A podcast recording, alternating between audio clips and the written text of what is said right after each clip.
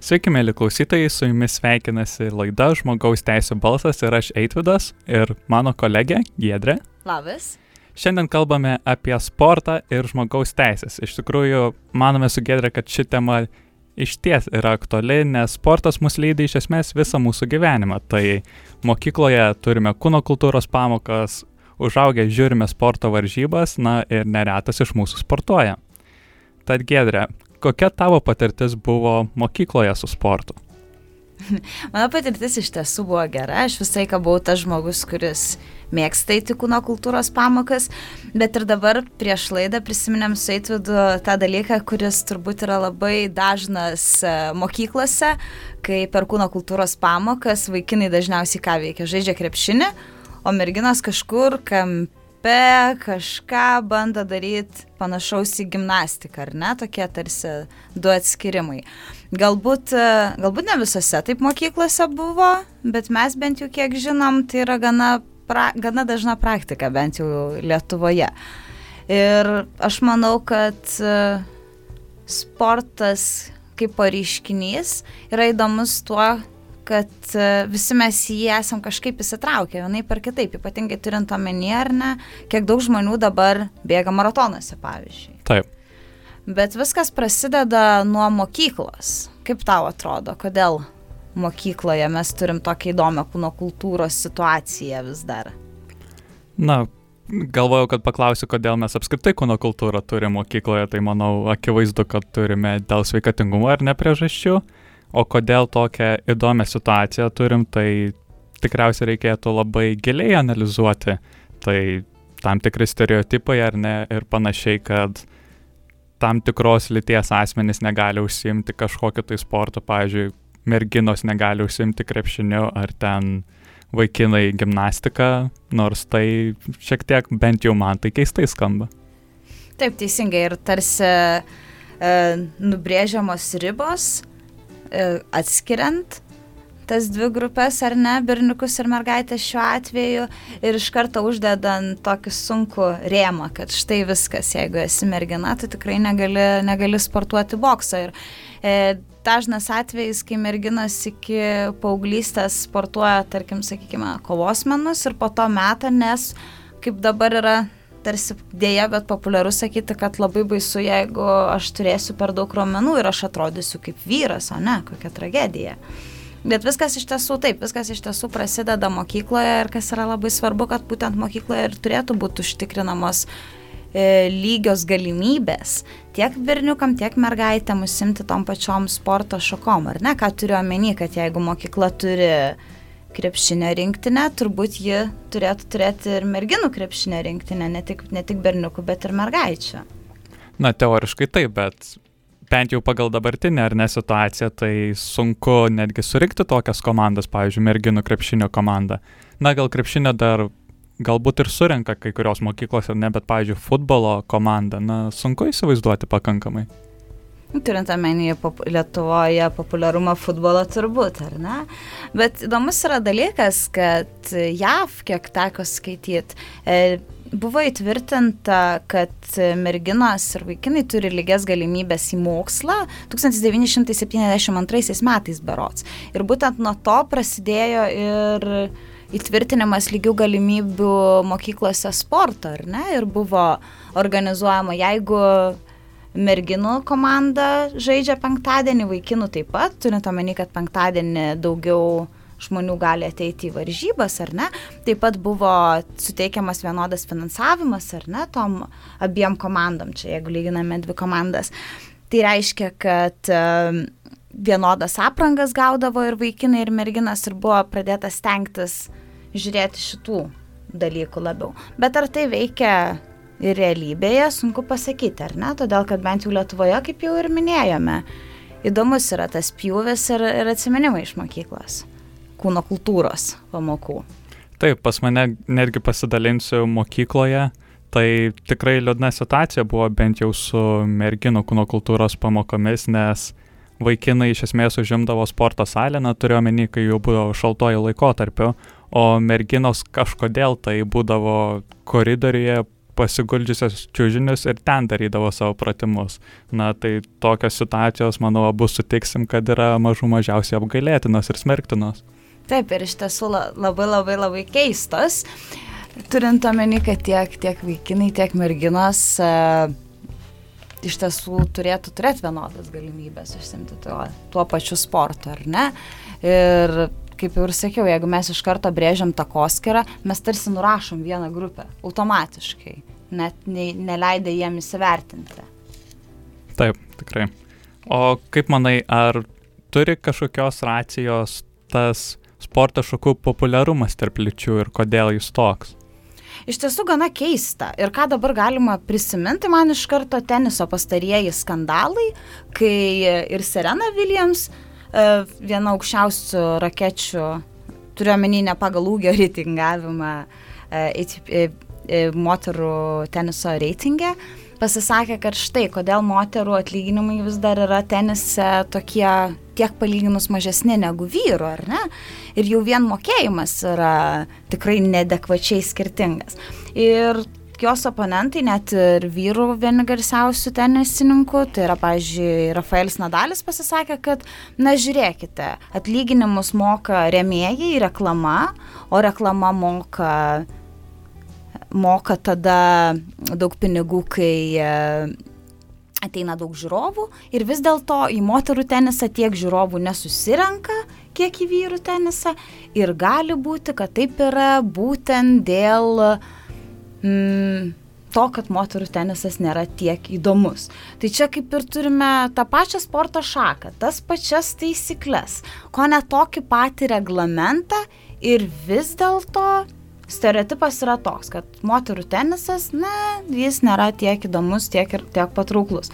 O ką jau kalbėti apie tam tikras sporto šakas, kur tarsi jos yra nemoteriškos arba nevyriškos ir nieks, tarkim, tiek nėra susižavėjęs moterų futbolu, lyginant visą tą e, gražiai vardinus pamišimą dėl vyrų futbolo, kai vyksta futbolo čempionatai ar kiti turnyrai. Taip, tai po truputį perėjai prie profesionalaus sporto, tai prie to pačio, manau, būtų verta paminėti ir ką tu iš esmės jau paminėjai, bet tu sakei, teniso atveju taisyklės visai nesiskiria, ar ne tarp lyčių? Dažniausiai reglamentas yra toks pats. Kas gali būti nustatyta, kad uh, tenisas yra tiesiog trumpesnis. Tai reiškia, kad mažiau setų yra žaidžiama. Mhm.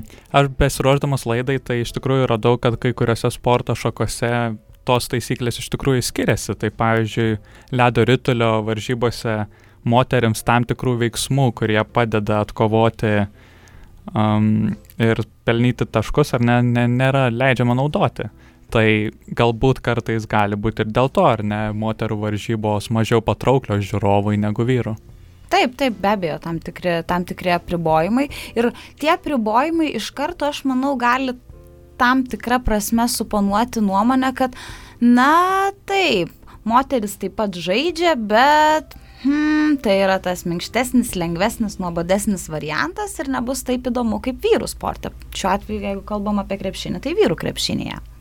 Na taip, bet dar vienas pavyzdys iš tikrųjų iš ledo rytulio, tai tu paminėjai, kad gali būti sportas moteriškas traukabučiai ar ne minkštesnis, bet, pavyzdžiui, pagal statistiką ledo rytolio atveju, tai būtent moteris praneša daugiau galvos a, sutrenkimo traumą, ar ne, ir netgi galima dėl to diskutuoti, kodėl taip yra, ar ne, nes, na, žiūrint iš tų stereotipinių pozicijų, tai moteris turėtų būti švelnesnis, ar ne, paprasčiau galbūt šiek tiek žaisti ledo rytulį, bet ką rodo statistika, statistika rodo visai ką kitą, ar ne? Ir galime tada klausti, kodėl. Mhm. Ir bent jau šaltinėse, kuriuos aš nagrinėjau, tai buvo nurodyta, kad taip yra tikėtina todėl, kad vyrai, na, bijo pranešti apie savo traumą sporte, kas galbūt šiek tiek yra ir kita, ar ne tema, ar, ar, ar žmonės yra linkę pranešti apie savo traumą sporte, bet statistika tokia. Ir žinai, turbūt visi mes žinom tą posakį, kad vyrai neverkia, kodėl tu verki, kentėk, jeigu esi vyras, tau turi skaudėti, randai puošia vyrą ar ne. Vėlgi tos pačios stereotipinės klišės, kurios tarsi užklijuojama žmogui, nori jisai to ar nenori. Taip. O kaip manai, žiūrint į pačius sporto žiūrovus, ar ne, tai didžiosios televizijos, žinoma, transliuoja beveik visada vyrų varžybas, ar ne, ir galima tada kalbėti apie prieinamumą varžybų vyrų ir moterų. Ir vėlgi, aš įsivaizduoju, kad turbūt transliuotojas E, prisidengtų visiškai tuo pačiu argumentu, kad, sakant, kad, na, vis dėlto aš dirbu dėl komercinių tikslų, mano tikslas yra surinkti pinigų ir aš transliuoju tas varžybas, kurias žmonės žiūri, o žmonės štai, žiūrėk, žiūri būtent vyrų krepšinį labiau negu moterų krepšinį.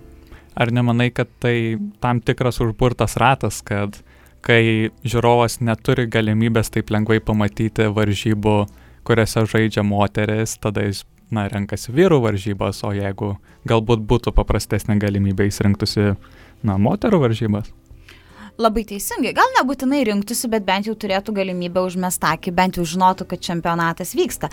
Nes irgi turėkime omeny, kad ne kiekvienas mes esam pakvaišęs dėl sporto ir ne kiekvienas, kad ir Lietuvoje koks populiarus bebūtų krepšinis, ne kiekvienas juk iš mūsų seka kiekvienas varžybas. Na tikrai ne. Bet bent jau ką galima pastebėti, jeigu vyksta Europos, pasaulio, ar Europos ar pasaulio čempionatas krepšinio, tik visi žinome, kad vyksta. Na, taip. o apie moterų, hmm, klausimas. Taip, tikriausiai dauguma net nežino, kada vyksta tie čempionatai moterų, arba, pavyzdžiui, kada vyksta parolimpinės varžybos, ar ne? Taip, nes parolimpinės varžybos tampa tokiu tarsi kažkur vykstančių dalykų po viso įvykio. Net dažnai aš prisimenu, net apklausa, žmonės net nežino, kur vyksta jos. Taip. Ne?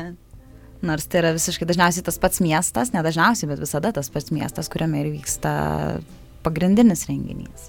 Ir bent jau Lietuvos parolimpiniai žaidėjai tai siekia gana aukštus rezultatus, ar ne, bent jau kiek aš esu girdėjęs. Taip, taip, iš tiesų galime tikrai pasidžiaugti. Gerai, tai grįžtam dar šiek tiek prie profesionalaus sporto ir didžiąją dalį žaidėjų pajamų, norime to ar ne, sudaro remėjai, ar ne? Ir įvairios, įvairios sandoriai dėl reklamos ir panašiai, tai ar matai čia problemą, kad, na, pavyzdžiui, tokios kompanijos kaip Nike ar ne, Adidas, jie renkasi vis tik dažniausiai vyrus veidus reklaminius? Tiesa, nors Nike, Adidas dar galime pastebėti daugiau moterų, bet pavyzdžiui, aš nežinau ar iki dabar, bet bent jau anksčiau vienas pagrindinių rėmėjų, vieno iš didžiojo kirčių, turbūt JAV vykstančio, rėmėjas buvo būtent Rolex. Ir žinai, ar matei kada nors, kad Rolex reklamuotų moteris? Ne, juk tai vyriškumo simbolis. Taip, na, galbūt yra kažkokia linija Rolexo moteriams. Vat turėtumėm pasidomėti, bijom spekuliuoti.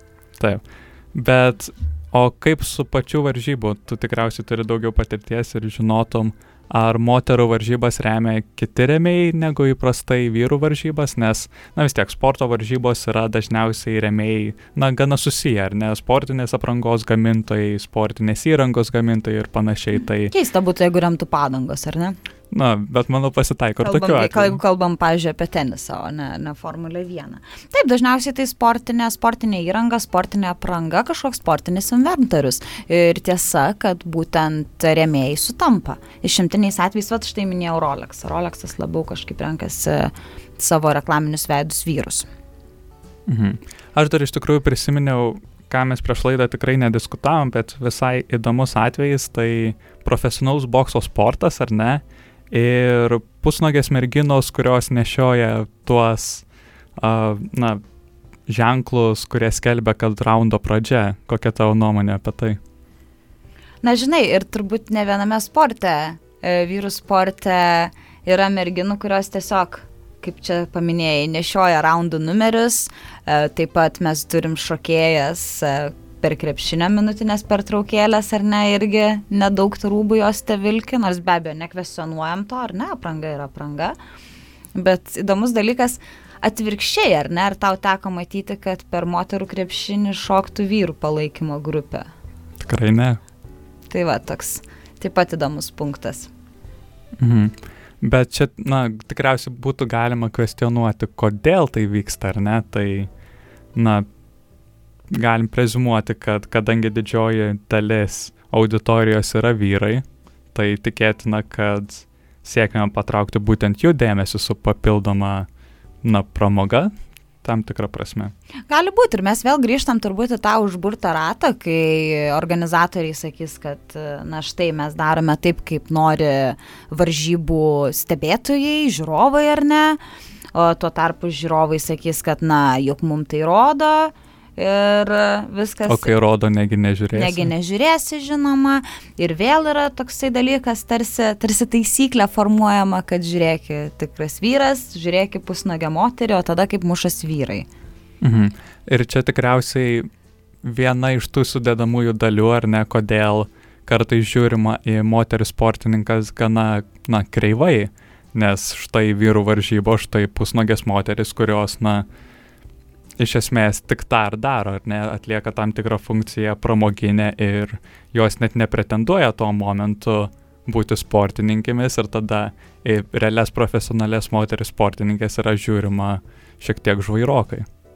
Teisingai ir turbūt taip pat galima pastebėti, kad pavyzdžiui tenise ar ne, vėlgi aš grįžtu prie savo mylimo sporto, uh, būtent moterų tenisininkio apranga dažnai yra kritikuojama arba analizuojama, narstoma, na, o vyro apranga. Mm, neteko girdėti, kad tiek daug dėmesio skiriama e, straipsnėse arba kad ir socialinėse medijose diskutuojant apie vyrų aprangą. Ne? Visai ne, bet čia tikriausiai, na, atsiliepia ir visame gyvenime, ar ne, tai moterio apranga visada yra diskutuojama. Aš netgi prisimenu na, ne iš sporto tematikos, daugiau iš politikos tematikos ar ne, bet kai prisekė naujasis Seimas, tai mūsų naujienų portalai kažkodėl tai aptarinėjo moterų aprangą priesaikos metu. Taip, ir lygiai tą patį galim prisiminti, kaip jungtinėse tautose Amal Klūnis skaitė pranešimą apie jezidų genocidą. Ir daugiau nei pusė straipsnių buvo apie tai, kad štai kokią suknelę jį vilkėjo, nors apie kokius dalykus jį kalbėjo, tarsi nuėjo į antrą planą, ar ne? Taip. Na, iš tikrųjų, iš to tavo mėgstamo teniso, ar ne, tai visai neseniai buvo ta situacija su sportininkė, kuri, na, atėjo į kortą apsirengusi tiesiog maikutę, ar ne atvirkščiai, ir nežinau, ar per pertraukėlę, ar galbūt dar per, per, prieš prasidedant varžyboms, ji tiesiog nusirengė ją ir apkeitė ją pusėmis ir už tai gavo, tiksliai neatsimenu, įspėjimą. Įspėjimą, taip, taip, įspėjimą. Tai na, jeigu vyras nusirengtų maikutę, tai... Kas dažnai būna? Taip, tikriausiai žiūrovai pradėtų šaukti iš džiaugsmą. Arba net nepastebėtų ir tai būtų visiškai natūralus dalykas. Nors turbūt žinai, kad per futbolą po įvardžio dažnai mėgdavo žaidėjai nusimti marškinėlius Taip. ar nepasidžiaugiant, bet dabar tai irgi yra, tai yra draudžiama. Kas, na, visai turi logikos, ar ne, jeigu draudžiam vieną dalyką vienai lyčiai, tai kodėl kita lytis turi turėti tam tikrų privilegijų. Taip, labai teisingai ir manau, kad tenise šitas atvejis taip pat parodo, atrodo maža detalė, ar ne, nereikšmingas įvykis, bet iš tiesų gali parodyti gana opą problemą, ar ne, kad jau dėl, vien dėl tokių dalykų abilitis yra traktuojamos skirtingai. Taip, ir, na, įspėjimas dar, tarkim, nėra, ar ne kažkas labai baisaus, bet, na, jeigu žaidėjas ar žaidėja už tai gautų baudą, na, tada jau būtų daug sunkesnės pasiekmes. Taip, iš tiesų ir tada turėtų jau nagrinėti didesnės komisijos. Taip, tai manau galim judėti prie vienos tikriausiai iš pagrindinių mūsų temų šiandien, tai kodėl apskritai lytis yra atskiriamos kaip atskiros grupės sporto šakose. Ir manau tiek aš, tiek tu skaitėme daug straipsnių šią temą, na ir tokio labai konkretaus argumentavimo, kuris būtų užtikrinantis, kodėl tai vyksta, na kaip ir nerasta. Taip, nes dažniausiai turbūt yra pagrindinis argumentas, kad, na, merginos jos yra silpnesnės, todėl jų visas reglamentas yra nesu tokiais aukštais lūkesčiais, sakykime, ir, ir tiek, ar ne? Ir toks dažniausias, dažniausias paaiškinimas, ar ne, kad vyrai yra stiprus, merginos yra mažiau stiprios. Bet ar tu, pavyzdžiui, matytum bent kažkokią minimalę problemą, jeigu, na, moteris ir vyrai tame pačiame bėgime ar nerungtųsi kartu? Apart to, kad, na, galbūt vyrai būtų dažniau apdovanojami ar ne ir taip toliau, bet jeigu jie rungėsi vienu metu ir, pavyzdžiui, yra tiesiog apdovanojimai išskiriami lėtimis. Mhm. Ar tai... Bet turėjau minį, kad bėgimo takelį ar ne, bėgtų visi kartu? Taip, tos pačios rungtynės tiesiog tuo pačiu metu. Čia būtų iš tiesų įdomus dalykas, ar ne? Kažkas, kažkas naujo, kažkas kitokio. Ir aš manau, kodėl ne? Nors irgi galim suprasti, tada galėtų atsirasti ir kritikų, kurie sakytų, palaukit, palaukit, štai vat, ir vėl mes neturim vienodų galimybių, vienodų sąlygų, ar ne? Ir, ir galima būtų sakyti, kad uh, abu atvejai yra rizikingi. O kurioje vietoje tu matai, kad nebūtų lygių sąlygų čia? Man iš tiesų, iš tiesų aš turėčiau pasakyti, kad man atrodo, kad sąlygos tai ir būtų. Tokiu tai vad būtent aš ir manau, būdu. kad kaip tik sąlygos būtų sulygintos, tik būtų klausimas tikriausiai būtent dėl apdovanojimo, ar ne, nes, na, nuoširdžiai sakant, jeigu žiūrim į to pačio bėgimo rezultatus, na, dažniausiai moteris atsilieka, na, bent kokį 10 procentų savo rezultatais, bet, na, kodėl neleidus joms rungtis vis tiek šalia? Taip, teisingai. Tai dar ką besidomint visai įdomus dalykas, tai transasmenų ar ne patirtis, kai žmogus pakeičia lytį, ar tai hormoniniais, hormoniniu gydimu, ar operacija ir, ir panašiai, tai, na, dažnas, da, dažnas sporto renginys bent jau iki šiol neleisdavo netgi rungtis ar ne tokiems žmonėms nei vienoje, nei kitoje pusėje, kas, na, iš vis izoliuodavo, izoliuodavo tam tikrą socialinę grupę, bet kiek dabar besidomint mačiau, tai olimpinis komitetas bent jau leidžia netgi varžytis su a, ta litimi, su kuria žmogus identifikuojasi. Tai pirmiausia, olimpinis komitetas reikalaudavo, kad žmogus būtų praėjęs gydimą ir hormonais, ir atlikęs operacijas atitinkamas, tačiau kiek dabar žiūrėjau, tai šis reikalavimas yra panaikintas, tai operacijų nereikia ir iš esmės jie žiūri tik į hormonų lygį na, kas irgi dar gali būti kvestionuojama ar ne, bet, na, iš esmės tokių labai praktinių apribojimų dalyvauti trans žmonėms nebėra. Ir požiūris iš tikrųjų, ar žmogus keičia lytį iš vyro į moterį ar iš moters į vyrą, irgi yra skirtingas. Tai pavyzdžiui, jeigu žmogus pasikeitė lytį iš vyro į moterį ar ne, tai rungiantis tarp moterų laikoma, kad na galbūt žmogaus testosterono lygis yra per daug didelis vis dar ir jis negali dėl to varžytis ar ne tose varžybose, bet kaip manai, ar tai yra logiška, ar tikrai hormonų lygis gali daryti tokią didelį įtaką rezultatams? Žinai, gal dėl hormonų lygio man būtų sunkiau pasisakyti, ar ne, reikėtų daugiau pasidomėti, bet man teko stebėti vieną jungtinių tautų ir garsių atletų konferenciją, uh, kur būtent trans žmonės ir kalbėjo, kad e, palaukit, palaukit, leiskit mum patiem nuspręsti, ar mes galime varžytis. Ir jeigu mes galime, na, tuomet viskas gerai, neuždėkite e, apribojimų mums bereikalo, ar ne? Tai, tai irgi man paliko didelį įspūdį ir ten taip pat, vat, įdomus dalykas, gal truputėlį nueinant į šoną, buvo kalbėta taip pat apie atsiskleidimą. Turiu omeny, kaip e, garsus sportininkai atsiskleidžia, jog yra homoseksualus, ar ne? Taip pat buvo sakyta, kad e, grįžtant prie tos e, vyriškų ir moteriškų sporto temų, temų net tam tikras visuomenės spaudimas nėra toks palankus, ar ne, kai vienas krepšininkas pasisakė, kad, man atrodo, žaidžiantis NBA, jisai prisipažino apie savo homoseksualumą, tai yra viešai paskelbė, ir visuomenės požiūris nebuvo toks jau palankus. Tai lygiai taip pat ir dėl trans asmenų. Visuomenė irgi turi tam tikrais atvejais keistą iškreiptą požiūrį. Na taip, tai kadangi paminėjai LGBT asmenys, na, plačiaja prasme, ar ne, ne tik trans, tai um, norėčiau netgi galbūt pasidalinti ir pasidžiaugti, kad per pastarąsią žiemos olimpiados varžybas tai uh, dalyvavo gana nemažai bent jau JAV atstovų, kurie yra atsiskleidę ar ne viešai.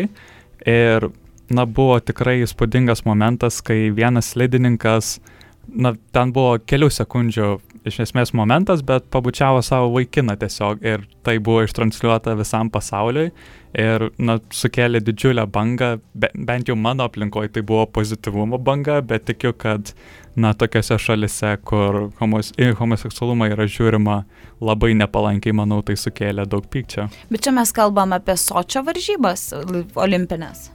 Ne, tai buvo Korejoje. Korejoje, teisingai, nes galvoju, negi įdomus dalykas, va ir prisiminiau apie žymos olimpiadą Sočyje, ar ne, kai olimpiada buvo renkta tenai, o prieš metus berots, arba net tais pačiais metais, tiksliai dabar nepamenu, Rusijoje buvo įvestas įstatymas, galbūt geriau atsimeni, kaip jisai vadinasi, bet žodžiu, draudžiantis gėjų propagandą, ar ne, kažkas tokio. Taip, aš tikslaus irgi pavadinimo nežinau, bet esmė jo tame, kad, na, jokios kitos šeimos formos negalima rodyti ir naudoti simbolį LGBT.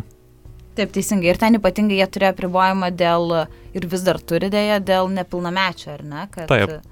E, tarsi... Kas šiek tiek žaidžia ir su mūsų įstatymais, ar ne tam tikrais, kad saugom nepilnamečius nuo neaišku ko?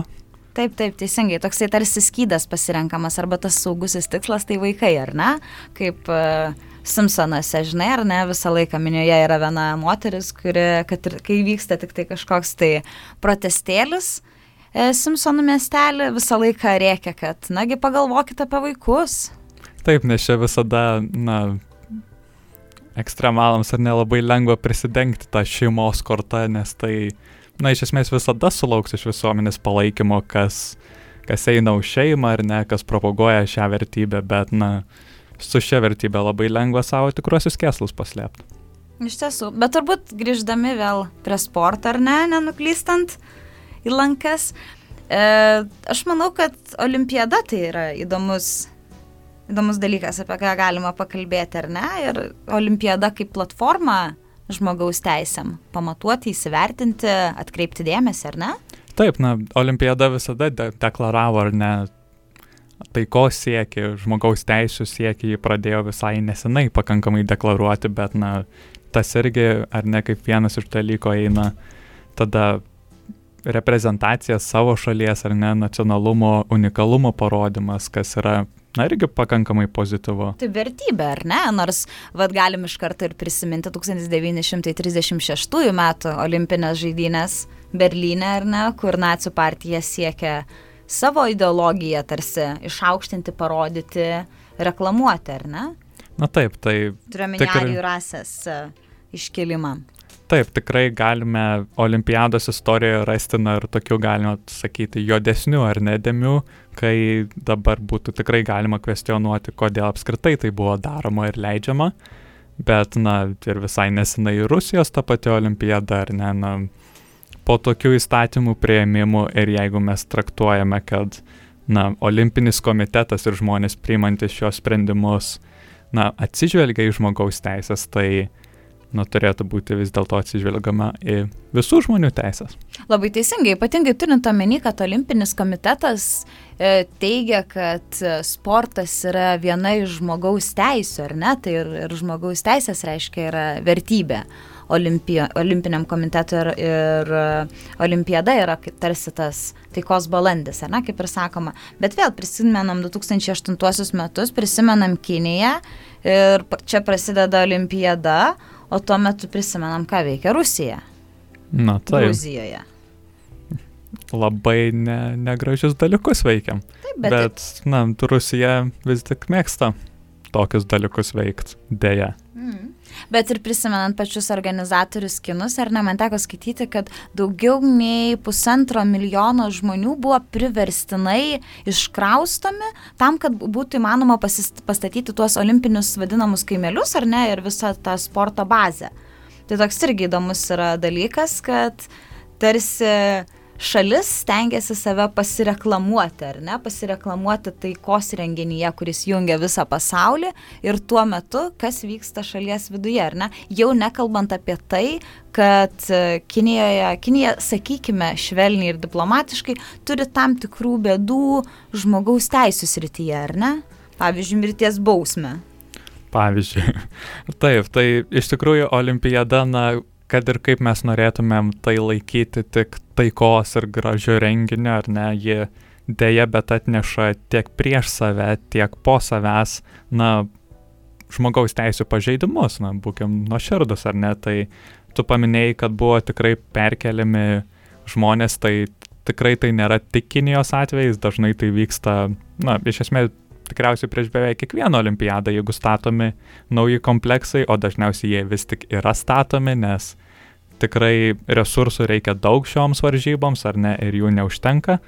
Tai ką aš dar pasižymėjau iš olimpiadų, tai kad juose dažniausiai dirba statybose migrantai darbuotojai. O kaip žinom, kai dirba migrantai darbuotojai, tai, na, dažnai jie nežino įstatymą ar ne to šalies, dažnai netgi nekalba to šalies kalba, na, ir kas išeina iš to, tai kad žmogaus teisų pažeidimai, ar ne? Taip pat, tai, ką pridėčiau, nebūtinai jie turi ir darbo sutartis, ar ne? Na, tai taip, tai darbo sutartis, ten polisio laikas, pertraukų laikas, tai dažnai to ne, nevyksta, ar ne? Tai man atrodo, Brazilijoje netgi buvo pranešama apie kelis tūkstančius, bijau sumeluot, bet žučių darbuotojų, kai dirbo tikrai nesaugomis sąlygomis. Na, tai kalbėti kaip apie tikrai taikos renginį, ar ne, tai sudėtinga. Taip, ir tai vienas, vienas iš tų atvejų, ar ne, kai fasadas yra gražus, bet viduje viskas sukirmyje. Nors kita vertus, olimpiada gali būti ir gražia platforma, kur galima atkreipti į žmogaus teisės dėmesį tą gražiąją prasme. Tu turėjo menį slidininko pasakai pavyzdį, ar ne? Taip. Ir aš prisimenu, turbūt 1968 metais, aš tik neprisimenu, kur vyko olimpiada, bet tada irgi turbūt bėgime, ar ne, buvo e, du apdovanoti sportininkai užlipę ant pakilos, iškėlė kumščius su juodomis pirštinėmis, ar ne? Aš tik nepamenu, kaip vadinasi tas judėjimas. Tikslaus pavadinimo aš irgi nepasakysiu, bet tikrai žinau, apie ką tai šnekė.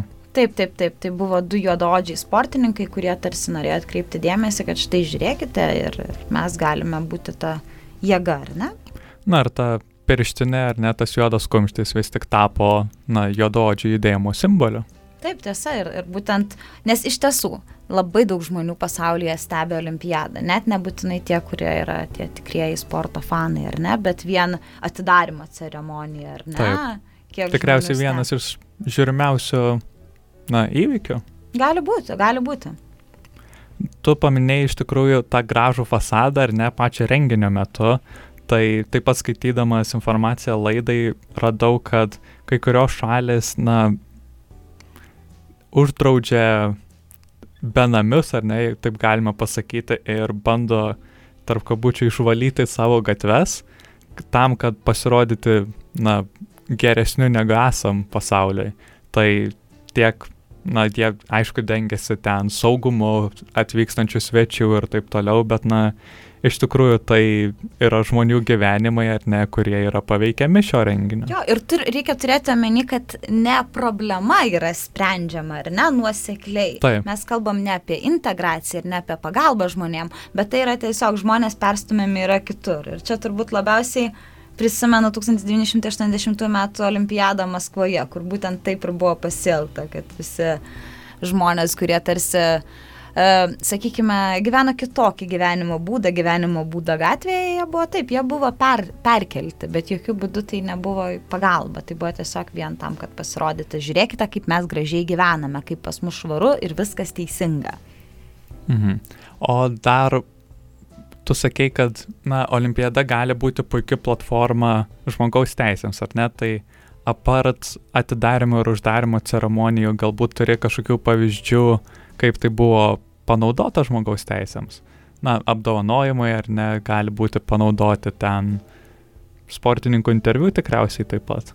Taip, aš manau, kad visai neblogas dalykas yra sportininkų interviu, nors turime omeny, kad ir politikai tam tikrais atvejais gali turėti platformą pasisakyti, ar ne, apie olimpiadą, ar ne. Ką turiu omeny, tai vėlgi, kaip mes kalbam apie tą pačią teisę Rusijoje, ar ne, prieš Sočio olimpiadą, kai buvo įvestas, įvestas įstatymas prieš homoseksualų propagandą, ar ne? Taip, berots jie ją vadina. Uh, JAV prezidentas Barackas Obama juk pasisakė, kad, na, jeigu taip vyksta, tuomet mes netvyksime iš, iš šią olimpiadą jo stebėti, turiuomenį ne sportininkus, bet viešuosius asmenis politikus. Taip, na, jau vien diplomatijoje ar ne svarbaus asmens neatvykimas jau ką reiškia. Taip, nes vis dėlto reikia turėti omeny, kad e, olimpiada yra kur kas daugiau negu tik sportas ir tai yra tikrai ir platforma diplomatiniams santykiams, ar ne? Ir ne tik olimpiada, turbūt ir pasaulio čempionatai populiaresnių sporto šakų, galima paminėti taip pat futbolo krepšinį, ar ne, tai irgi gali. Taip, bet na, mažesnė. Mažesnė apimtimi, taip. O ką manai apie tai, ką palieka olimpiada toje šalyje, kuri įvyksta? Na, nes sportininkai išvažiuoja ar ne, svarbus asmenys išvažiuoja, lieka pastatai ar ne, lieka, na, tam tikras pelnas. Klausimas, aišku, kiek jo palyginus su išlaidomis, bet tikriausiai esi ar negirdėjusi apie tas istorijas, kad, na, tie pastatai dažnai lieka apleisti. Taip, ir man atrodo, Rio de Žaneirė, būtent taip dabar yra Sočyje, taip yra, ar ne, tiesiog taip. stovi namai vaiduokliai, ar ne? Ir kitas dalykas, turbūt ir su korupcijos dalykais galime e, asocijuoti tai, kas lieka po olimpiados, ar ne? Taip. Na, apskritai sport, sporte šiek tiek korupcijos yra. Šiek tiek. Na. Vėl kalbame diplomatiškai. Žinoma. Tai, na, kai renkamas tas miestas, kuriame vyks atitinkamos varžybos ar ne, tai na, korupcijos tikrai apraiškų galime rasti ir pakankamai nemažai. Nežinau šiuo metu, kiek tai yra aktualu, bet bent jau istoriškai žiūrint, kad ir kokius penkius metus prieš tai, na, pakankamai daug. Taip, iš tiesų ir įdomus buvo dalykas. Aš nežinau, kaip baigėsi šitas dalykas, bet prisimenu apie futbolo čempionatą Katarė, ar ne, kur tarsi Kataras laimėjo teisę renkti futbolo čempionatą. Tik problema tokia, kad per karštą, ką daryti, vasarą nepavyks surenkti ar ne, daryti žiemą, kai sportininkai žaidžia klubuose. Ir šiaip turint omeny dar ir laiko skirtumus ir panašiai, tai toks toks irgi įdomesnis dalykas, ar ne? Turtinga valstybė laimi galimybę, gauna galimybę rengti čempionatą ir matom, kad netaip paprasta jį surenkti, ar ne? Ir tada tikrai kyla klausimų, kodėl būtent ta valstybė laimėjo, ar ne? Taip, aš netgi besiruoždamas dabar pastebėjau gana įdomią tendenciją, kad bent jau pastaruoju metu na tos vakarų demokratinės valstybės, ar ne, jos netgi kai pradeda tas varžytuvės dėl to miesto titulo, ar ne, jos dažniausiai susilaukusios iš savo gyventojų nepasitenkinimo atsisako šios idėjos. Tai, na, tikriausiai ateityje reikės galvoti, ką daryti, ar naudoti tuos senuosius pastatus, ar ne, nes galbūt šalis tiesiog nebenorės turėti, na, tiek darbo, ar ne, elementariai pasakius, organizuojančios renginius. Būtent, nes gyventojai irgi turi teisę pareikšti, ar ne, tarsi, kad e, nenori jokių kasdienybė būtų taip sugriaunama, ar ne, nors tai valstybė ir didelė garbė, bet kita vertus, ar ne, jeigu prisimenam vėl tą pačią Kiniją, kur tiek žmonių yra tiesiog perkraustomi be jų noro, na, turbūt tai nesuteikia gyventojams didelio džiaugsmo. Taip, ir pasitikėjimų tikriausiai savo valdžią. Tai galim dar padiskutuoti apie tuos pačius sirgalius, ar ne, nes kur yra didžiuliai renginiai, ten, na, didžiulės krūvos ir sirgalių. Tai tikriausiai Lietuva, na, nemažai bent jau krepšinio sirgalių, pakankamai agresyvių yra mačiasi, tai kaip nutinka, kad sirgaliai tampa tokie agresyvūs? Kaip nutinka, turbūt nebūtų taip lengva atsakyti, ar ne, bet iš tiesų neapykantos kalbos ganėtinai daug galime sutikti, ar ne, tarp pačių sirgalių, ypatingai Žinai, galbūt galim suprasti, kodėl aš nemėgstu vieno ar kito klubo, ar ne, ir gal aš nenoriu, kad jie laimėtų, ir man atrodo, kad jie yra prastesni ir visa kita, bet dažnas atvejis yra, kai nusitaikoma prieš vieną žaidėją, ar ne, ir skanduotės, Taip. tarkim, būna pakankamai rasistiškos, ar ne, kaip ir prieš laidą ruošiantis, įdomu tokį mm, tokią citatą radau, kurią sakė vienas garsiausių turbūt dabar Belgijos rinktinės e, žaidėjų e, Romelu Lukaku, kad kai aš laimiu, tuomet aš esu puikus Belgijos rinktinės e, puolėjas, bet kai pralošiu, arba kai mano komanda pralošia, aš tada tik esu kažkoks tai blogasis migrantas iš Kongo.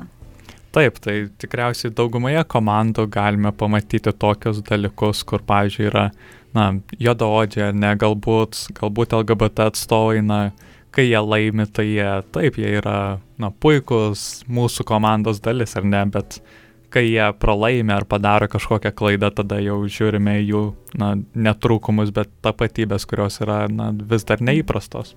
Ir žinoma, tas senasis posakis, ar ne tas jokingas, juk e, laimime mes, o pralašė jie, ar ne?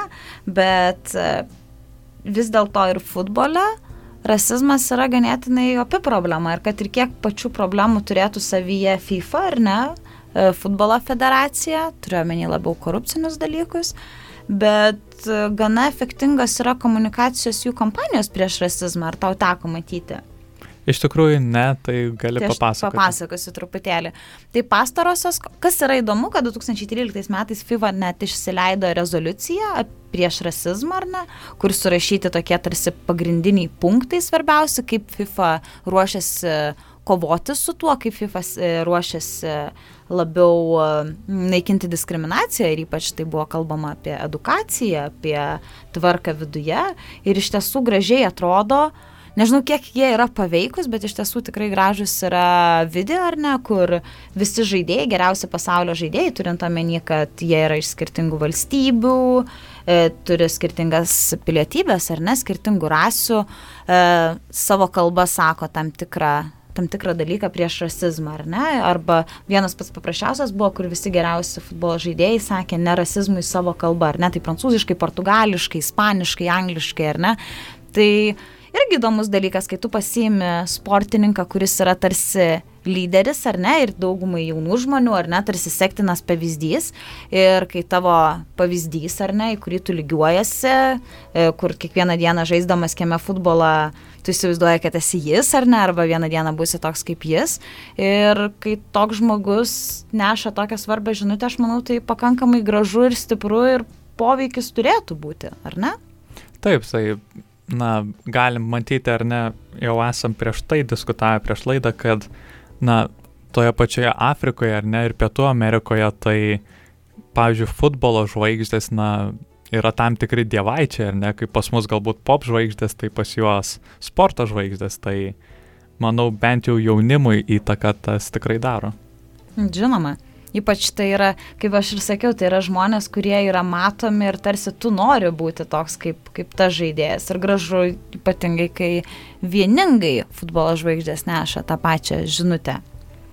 Taip, tai po truputį judam link laidos pabaigos, ar ne, tai galim dar pasidžiaugti, ką mes radom besiruoždami laidai, tai kad, na, tos pačios sporto įrangos ir sporto aprangos, ar ne, įmonės pradeda kurti na, drabužius sportinius, kurie yra pritaikyti įvairioms socialiniams grupėms, ar ne, kas yra pakankamai svarbu, tai kai kurios sporto prekių parduotuvės pradėjo platinti, na, moteriams musulmonėms, ar neskirtus galvos apdangalus, su kuriamis gali, jos gali sportuoti.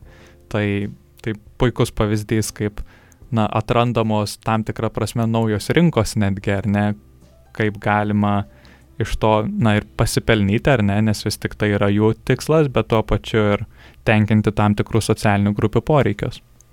Žinoma, ir vėlgi e, ne tik tenkinamas poreikis, bet taip pat e, tarsi kuriama graži tradicija, ar ne, juk pasaulyje yra daugiau nei pusantro milijardo musulmonų, ar ne? Ir vis dar nors dažnai yra manyti, ar ne, ir tas irgi gajus stereotipas, kad ko ne visi musulmonai yra teroristai, ar ne, turbūt irgi teko girdėti tokį, Žinoma. tokį pasakymą, bet ne, reikia turėti omeny, kad musulmonų yra visokių įvairių. Ir, ir jie yra šalia mūsų. Jie yra šalia mūsų, to. taip, ir jie taip pat sportuoja ir kad tikrai nebūtinai visos musulmonės moteris sėdi namie, ar ne, jos taip pat sportuoja, turi teisę sportuoti net dabar prisiminiau vienoje olimpiadoje iš paskutinių irgi buvo ganėtinai didelis dalykas, kai kilo klausimas, ar ne Saudo Arabija e, ganėtinai radikali valstybė nenorėjo leisti savo moterų sportininkių ar net atstovauti savo šalies ir, ir kitos šalis bandė atkreipti dėmesį ir sakyti, kad na palaukite, palaukite, negalite drausti tokio dalyko, nes kaip ir sakėm anksčiau, olimpinis komitetas turi e, tokią kaip ir taisyklę, ar ne, tokią teisę, kad sportas yra žmogaus teisė ir kad e, tas teisė negali būti ribojama, ar ne, nei vienu iš tų pagrindų diskriminacinių, ne, pagal lytį, e, e, tautybę, ar panašius dalykus, ar religiją, ar seksualinę padėtį. Taip, tai manau čia ta problematika, ar ne, kai yra toks didžiulis, na, tarptautinis renginys, tai susiduria skirtingos kultū kultūros, ar ne, ir galime vėl grįžti prie to klausimo, prie kurio grįžom ir šiek tiek praeitoje laidoje, ar ne, ar žmogaus teisės yra vis tik vakarų kultūros dalykas ar ne, bet, na, vis tik nėra šios laidos tema, tai, tai galbūt padiskutuosime kitą kartą. Bet, na, kadangi jau laidos pabaiga vis tik, tai galim rezimuoti, ar ne, ką, ką gero sužinojom, kas mums patiko, kas įdomu. Kokie klausimai kilo ar ne dar Taip. papildomai? Tai gedrė.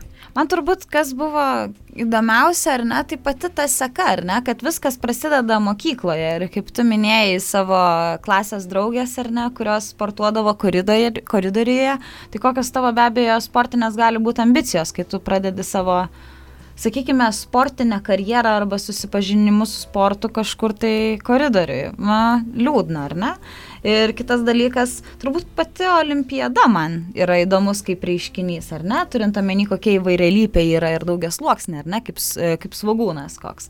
Ir kaip įdomu, kad jos tarsi tikslas iškeltas yra būtent žmogaus teisės, taika, lygybė, viskas, kas yra gražu ir kas iš tikrųjų slepiasi po to ir kokie liūdni procesai e, susiveda į olimpiadą. Nors kita vertus, tai galėtų būti ir labai graži platforma, kur galima kelti žmogaus teisų problemas ir pradėti apie jas diskutuoti, nes turbūt pro, į problemų sprendimą tiesiausias kelias yra jau tarsi viešumas, tarsi iškeliant problemą, apibrėžiant ją, ar ne?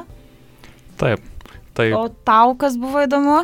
Taip, tai man, žinoma, ką tu minėjai, taip pat buvo tikrai įdomu, ypač olimpiada, ar ne? Ir ypač tai, kiek ji atneša, na dėja, bet žmogaus teisų pažeidimų tiek prieš, tiek po savęs bet man taip pat buvo labai įdomu pasidomėti, na, kodėl vis tik mes atskiriam lytis ar ne lyčių grupę sporte ir tas įdomybė tokia, kad, na, nėra kažkokių konkrečių argumentų, kodėl mes tą darome, tai daugiausia remiamasi, na, istorija, kažkokiais biologiniais dalykais, kurie, na, vis tik vis tiek nėra aišku, ar egzistuoja iš tikrųjų.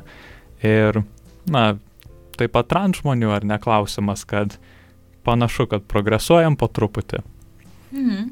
Ir vis dėlto turbūt visą laiką bus įdomu, tai koks sportas yra vyriškas, koks moteriškas ir apskritai ar sportas gali būti vyriškas arba moteriškas, ar ne? Turbūt irgi matei, neseniai buvo, neseniai turiuomenį poros metų bėgyje, buvo viena komunikacijos kampanija, kur mažom mergaitėm buvo sakoma, kad bėg kaip mergaitė, ar ne? Ir jos mažytės mergaitės bėgo stipriai iš visų jėgų, ar ne? Nes dažnai yra sakoma, kad kaip tu čia mušiesi kaip, kaip mergaitė, ar ne? Tai reiškia silpnai. Tai vis dėlto turbūt ir šitų klišių po truputėlį turime jas paleisti ir atsisveikinti su airiom, nors dėja jos pakankamai dar yra gajos, o gajos yra būtent per tai, kad vyriškas, moteriškas sportas, ar ne, moteris nežaidžia taip stipriai, moteris taip stipriai nespiria, moteris taip stipriai nemuša kamulio ir panašiai. Ir taip greit nebėga. Taip, bet na, mes tikrai suprantam, kad tai yra, na, mažų mažiausiai nesąmonė. Tikimės, kad ir mūsų klausytojai pagavo šią mintį ir apmastys, ar ne, kaip jie žiūri sportą, kuo, kokiu sportu užsiema, ar tai, na, tarp kabučių yra vyriškas ar moteriškas sportas, kaip tame sporte yra kitos lyties atstovai traktuojami, ar ne, ir, na, ką galime padaryti, kad sportas būtų prieinamas visiems. Teisingai ir turbūt e, ką aš norėčiau padaryti, aš norėčiau padrasinti, jeigu kažkam atrodo, kad e, tas sportas yra įdomus, bet aš jo nesimsiu, nes tarsi, ah, tai yra kažkoks tai per daug vyriškas sportas, kaip į mane žiūrės, na tai koks skirtumas, kaip žiūrės, kas turi teisę pasakyti, koks sportas Taip, yra žinau. vyriškas, moteriškas, svarbu, kad pačiam žmogui patiktų. O jeigu patiktų, tai ir pavyks viskas gerai. Taip, tai tiesiog išbandyti reikia ir na, siekti savo tikslų, kad ir kokie jie bebūtų. Mhm. Tai ačiū tau, Gedrė, už pokalbį. Dėkui tau. Ir kviečiame apsilankyti mūsų svetainėje www.žtbalsas.lt ir sekti mūsų naujienas. Ačiū už klausimą. Iki. Iki.